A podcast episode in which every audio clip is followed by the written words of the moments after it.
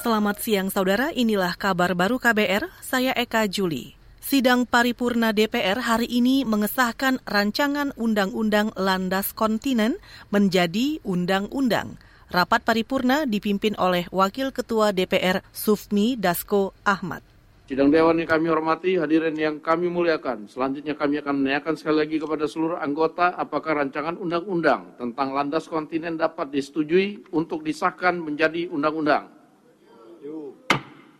Terima kasih. Selanjutnya kami persilakan kepada yang terhormat Menteri Kelautan dan Perikanan untuk menyampaikan pendapat akhir mewakili Presiden. Itu tadi Wakil Ketua DPR Sufmi Dasko Ahmad. Ketua Panitia Khusus DPR tentang Rancangan Undang-Undang Landas Kontinen Nurul Arifin mengatakan ada rumusan baru seputar ketentuan pidana pelanggaran landas kontinen di antaranya terkait perguruan tinggi, lembaga penelitian, badan usaha, dan warga negara asing yang melakukan penelitian kelautan tanpa perizinan yang mengakibatkan pencemaran dapat dipidana. Pengesahan undang-undang tentang landas kontinen ini akan diikuti dengan penyelesaian pembuatan peraturan pelaksana paling lama dua tahun sejak diundangkan. Kita ke informasi lain.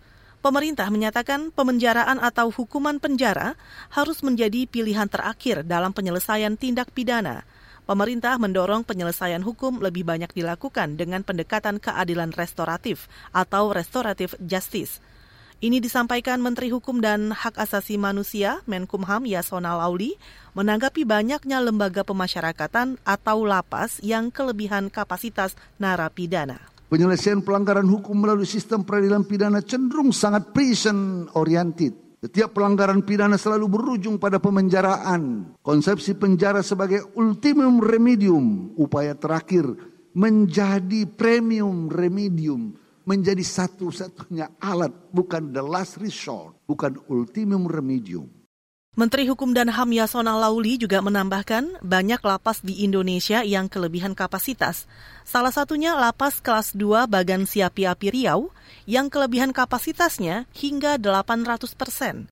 Menteri Yasona mengatakan pengoperasian lapas juga membutuhkan biaya cukup besar hingga 2 triliun rupiah.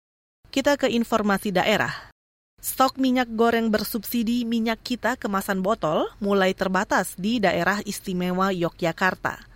Wakil Ketua Satgas Pangan Yogyakarta mengatakan minyak kita kemasan botol banyak diburu masyarakat, sehingga persediaan di pasar menipis. Tapi stok secara keseluruhan cukup semuanya. Hanya karena pilihan masyarakat dulunya dengan minyak kita yang botol, sementara produksinya hanya dua. Sehingga secara kuantitas semuanya terpenuhi, tapi khusus untuk minyak kita yang botol memang agak kurang.